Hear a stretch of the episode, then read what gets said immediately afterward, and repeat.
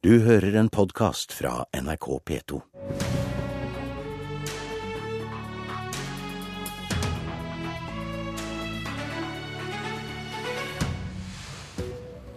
Kan en omstridt skolereform snart få flertall? For Arbeiderpartiets kunnskapsutvalg foreslår at partiet snur og sier ja til et tak for hvor mange elever det kan være per lærer. Gjør det hvis dere vil ha elever som kan mindre, svarer Høyre. Og når du skriver Arbeiderpartiet har egentlig aldri trengt ytringsfriheten, velkommen til Politisk kvarter. I dag legger Arbeiderpartiets kunnskapsutvalg fram sine forslag. og Jette Christensen, derfor er du her, for du har ledet arbeidet. Ehm, hvorfor vil du at partiet nå sier ja til en såkalt nasjonal lærernorm? Det gjør vi fordi vi er opptatt av eh, det vi har lyst til å oppnå. Eh, en gjennomførbar skole eh, som sikrer alle utfordringer nok til å bli så gode de kan. Og som sikrer alle de grunnleggende ferdighetene som lese, skrive, regne muntlig fremstillingsevne, teknologiske eh, ferdigheter, og så foreslår vi òg kritisk tenkning som eh, en av de eh, en eh, ny. Eh, vi er nødt for å få et gjennomførbart skoleløp som alle mestrer. Og for å få til det, eh, så er vi nødt for å passe på at lærerne får det de trenger, nemlig tid og tillit. Nå har vi reist rundt omkring over hele landet og hørt på eh, hva lærere sier at de trenger i sin hverdag. Og da sier de de samme som de sa under lærerstreiken. Vi trenger tid til å se hvert enkelt elev, til å kunne følge opp hvert enkelt elev.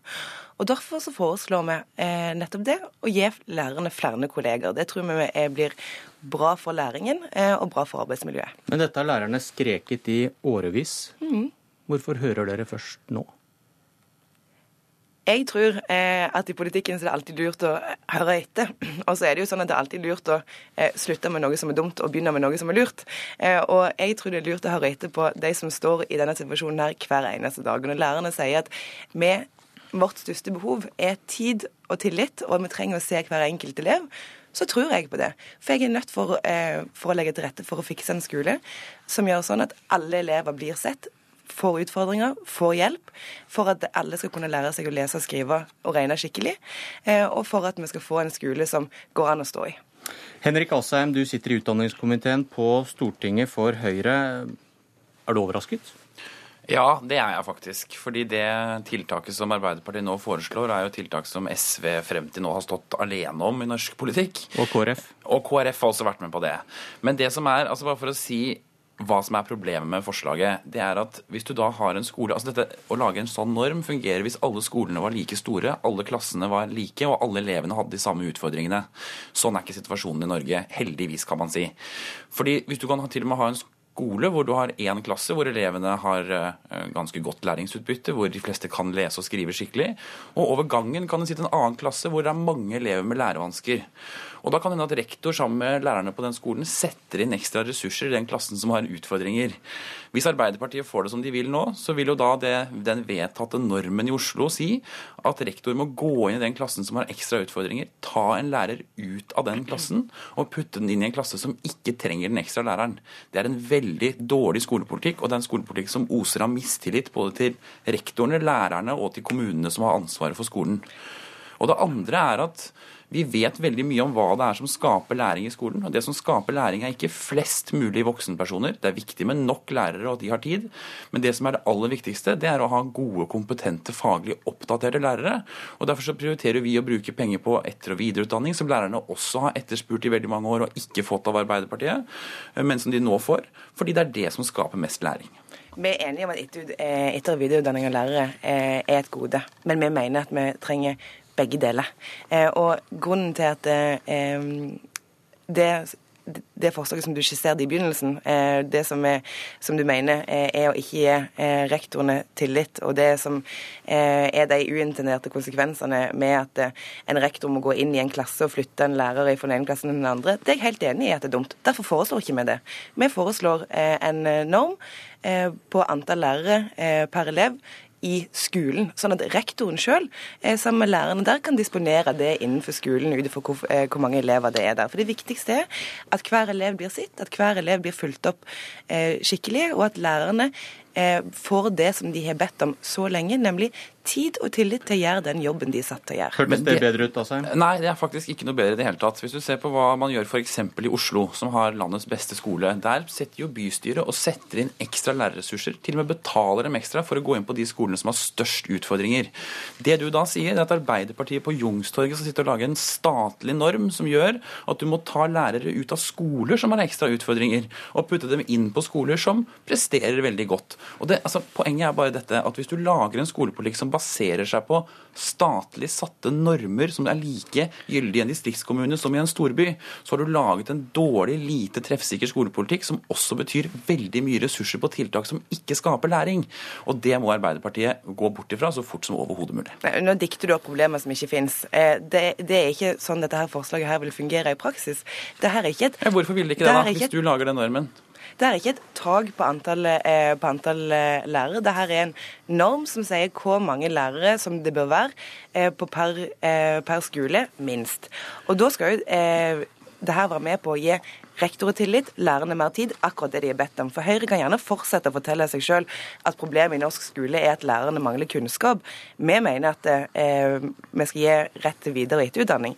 Men vi tror at de trenger mer tid, og grunnen til at vi tror det, er fordi at de forteller oss det, og da velger vi å høre etter. Men det kan jeg være enig i. og det er sånn at Vi også i budsjettet så har vi lagt inn, eh, sammen med KrF og Venstre, mer penger til nettopp å sette inn flere ressurser tidlig i skoleløpet. Det er bra, det gir lærerne også mer tid. Men det er en stor forskjell på det og på å lage en statlig satt norm, som betyr at skoleeierne ikke lenger får lov til å disponere ressursene der de ser at elevene trenger det mest, men der hvor Jette Christensens utvalg mener at ressursene skal settes inn. Christensen, vet, du, vet du hva partileder Støre mener om dette forslaget? Nå skal vi sende ut dette forslaget på høring i partiorganisasjonen, så får vi eh, se hva alle medlemmer av Arbeiderpartiet mener om dette her, og diskutere det på landsmøtet. Dette er et forslag om å få flere lærere inn i skolen, og det håper jeg at Arbeiderpartiet blir med på. Og så leser jeg i Dagsavisen i dag at uh, elevene på barneskolen skal lære å lese, skrive og regne. Også som du nevnte i stad, kritisk tenkning. Ja. Hva er det? For barn. Kritisk spørsmål. Ja. eh, i dag har vi noen grunnleggende ferdigheter i skolen som vi rigger all undervisning opp mot. Er, verden er veldig mye annerledes eh, enn tidligere og krever eh, aktive valg for den enkelte veldig tidlig. Vi mottar veldig mye informasjon direkte fra internett gjennom kommunikasjon mye tidligere enn før. Da er det å rigge undervisningen rundt eh, og gjøre eh, den, den, enkelte i stand til å fatte valg tidlig eh, veldig viktig. og Derfor foreslår vi eh, kritisk tenkning som en grunnleggende ferdighet inn i skolen. Asheim? Ja, dette er jeg også kritisk til.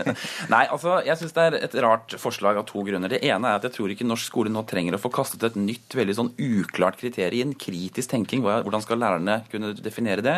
Når vi snakker om grunnferdighetene, så er det ting som skal gjennomsyre alle fag. Det betyr at læreren da skal påvise at eleven har lært å tenke kritisk i matte i første klasse. Det er ikke sikkert det er det viktigste. Det er viktigere å lære å lese og skrive og regne skikkelig. Og det andre er at det er litt urettferdig mot norsk skole, for dette er den tingen norsk skole er aller best på. Det er at elevene våre de lærer å tenke kritisk. Det er veldig bra, men jeg tror ikke lærerne trenger at Arbeiderpartiet skal fortelle dem det, for dette klarer de kjempefint i dag. Og så får vi se om dette blir Arbeiderpartipolitikk til slutt.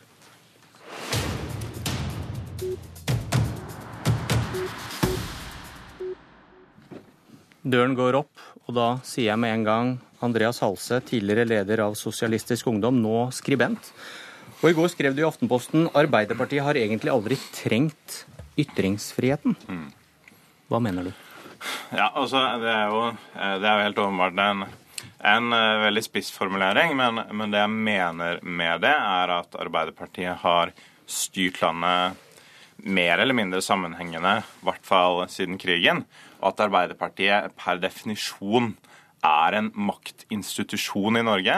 Uh, og det også har definert i veldig stor grad hva som er greit, og hva som ikke er greit å mene, og i hvert fall bare eh, unntaksvis utfordra rammene for ytringsfriheten. Og så er det mange som har, noen som har reagert på det i Arbeiderpartiet, men fra min side er det mer en eh, observasjon enn en anklage. En observasjon som Ap-folk veldig ofte er stolt av. Og så er det andre poenget at Arbeiderpartiet har, syns jeg, også internt et litt trøblete forhold til ytringsfriheten.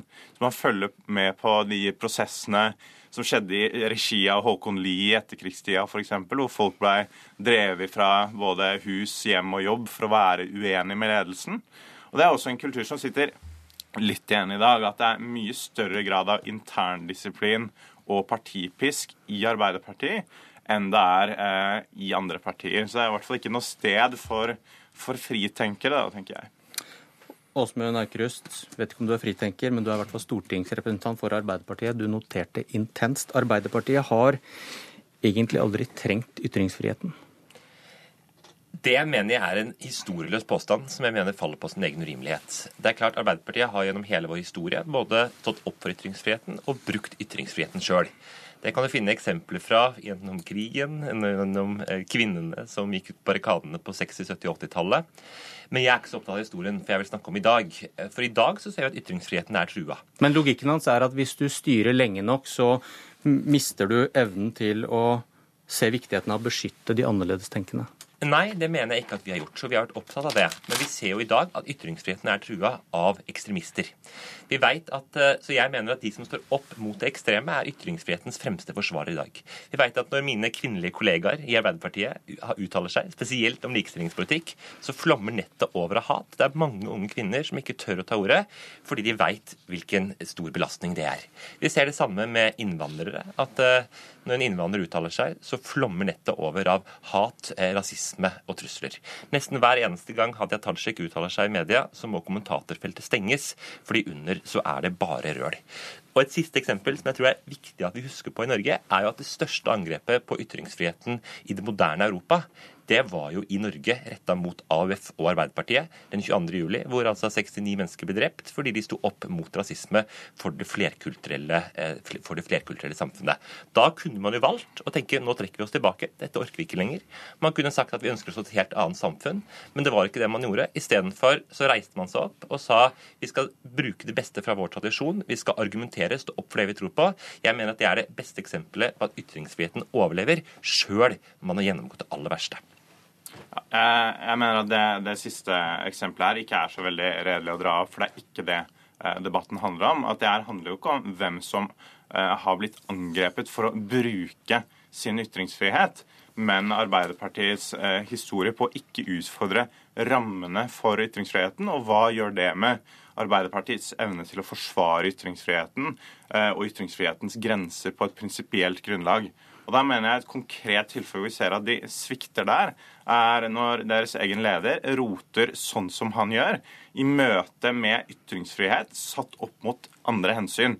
Og det som er Problemet med det er som jeg også skriver, at veldig mange i Norge er enig med Gahr Støre i at man ja, syns ytringsfriheten er viktig, men ikke viktig nok til å trumfe andre hensyn, som f.eks. hensynet til ikke, ikke å krenke religion.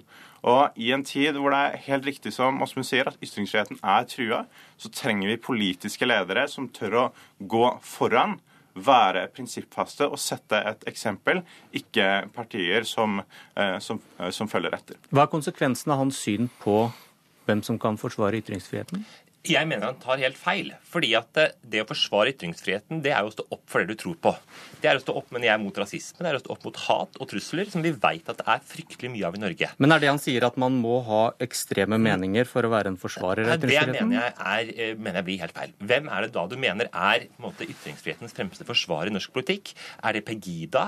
Er det Alfan Bhatti? Er det islamister? Ja, det, her... det, må kunne være mulig å stå opp for ytringsfriheten uten å ta ekstreme ja, standpunkter. Her... Jeg mener, fullføre, jeg mener at de ekstreme gruppene står ikke opp for ytringsfriheten. Det faller på sin egen rimelighet. Tvert imot så er mange av disse gruppene en trussel mot ytringsfriheten, og det er det vi står opp mot. Ja, altså Jeg er helt enig i at alle som driver med, driver, alle som driver med vold eh, og terror mot de de er uenige med, de er trusler mot ytringsfriheten. Men det er ikke en diskusjon om hvem som står opp for ytringsfriheten. Det er en diskusjon om hvem som har beveget seg i randsonen historisk og trengt ytringsfrihetens eh, beskyttelse. Jeg mener at Arbeiderpartiet historisk har definert i veldig stor grad hva som er greit, og hva som ikke er greit. Er det annerledes for Høyre?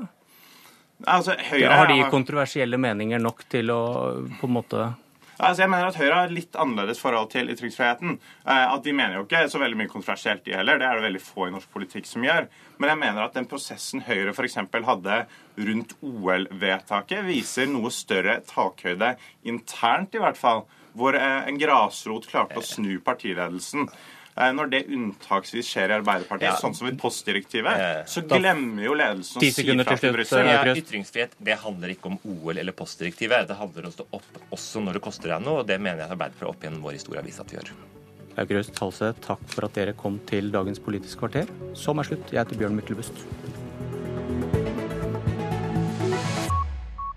Du har hørt en podkast fra NRK P2.